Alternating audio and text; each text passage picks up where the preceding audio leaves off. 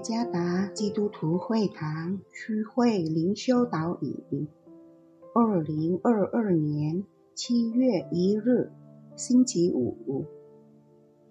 主内弟兄姐妹们平安。今天的灵修导引，我们要借着圣经《帖撒罗尼迦前书》第五章十八节来思想今天的主题：感恩吧。作者。是爱家传道，《帖撒罗尼迦前书》第五章十八节：凡事谢恩，因为这是神在基督耶稣里向你们所定的旨意。有一天，一只对自己的生命不满意的乌鸦，看见一只长着白色羽毛的天鹅，就立刻。把自己和长着白色羽毛的天鹅来比较，乌鸦嫉妒天鹅，他觉得天鹅一定很幸福，因为它有人人都喜欢的洁白美丽的羽毛。然而，根据天鹅的说法，鹦鹉才是最幸福的，因为它有两种颜色。然后，乌鸦走进鹦鹉，并说了同样的话。鹦鹉却说：“孔雀才是更幸福，因为它有五颜六色的羽毛。”我们人类经常将自己与他人比较，因此我们经常感到缺乏，并忘了感恩。在保罗。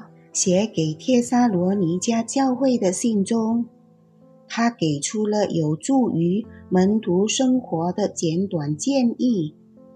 保罗传达了一个信息，即他们在任何情况下都可以时刻心存感恩。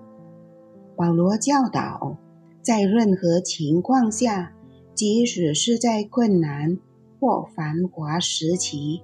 都要感恩。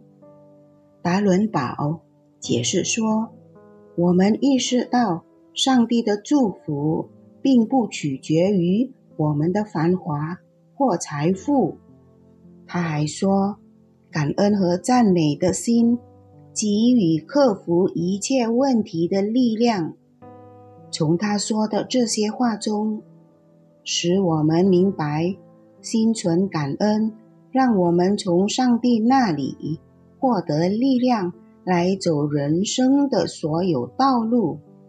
心存感恩是上帝在基督耶稣里的旨意，因为当基督的门徒献上感恩时，就是在遵行上帝的旨意。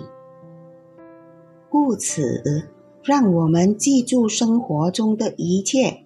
而献上感恩。当我们还拥有生命、健康、食物、工作、避难所和那些爱我们的人时，就要学会感恩。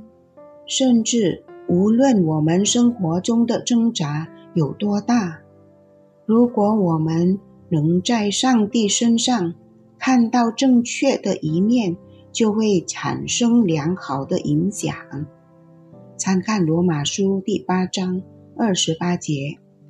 因此，基督的每个门徒都可以在任何情况下，无论快乐与否，继续的感恩，并且不要将生活与他人比较。历代至上十六章三十四节记载。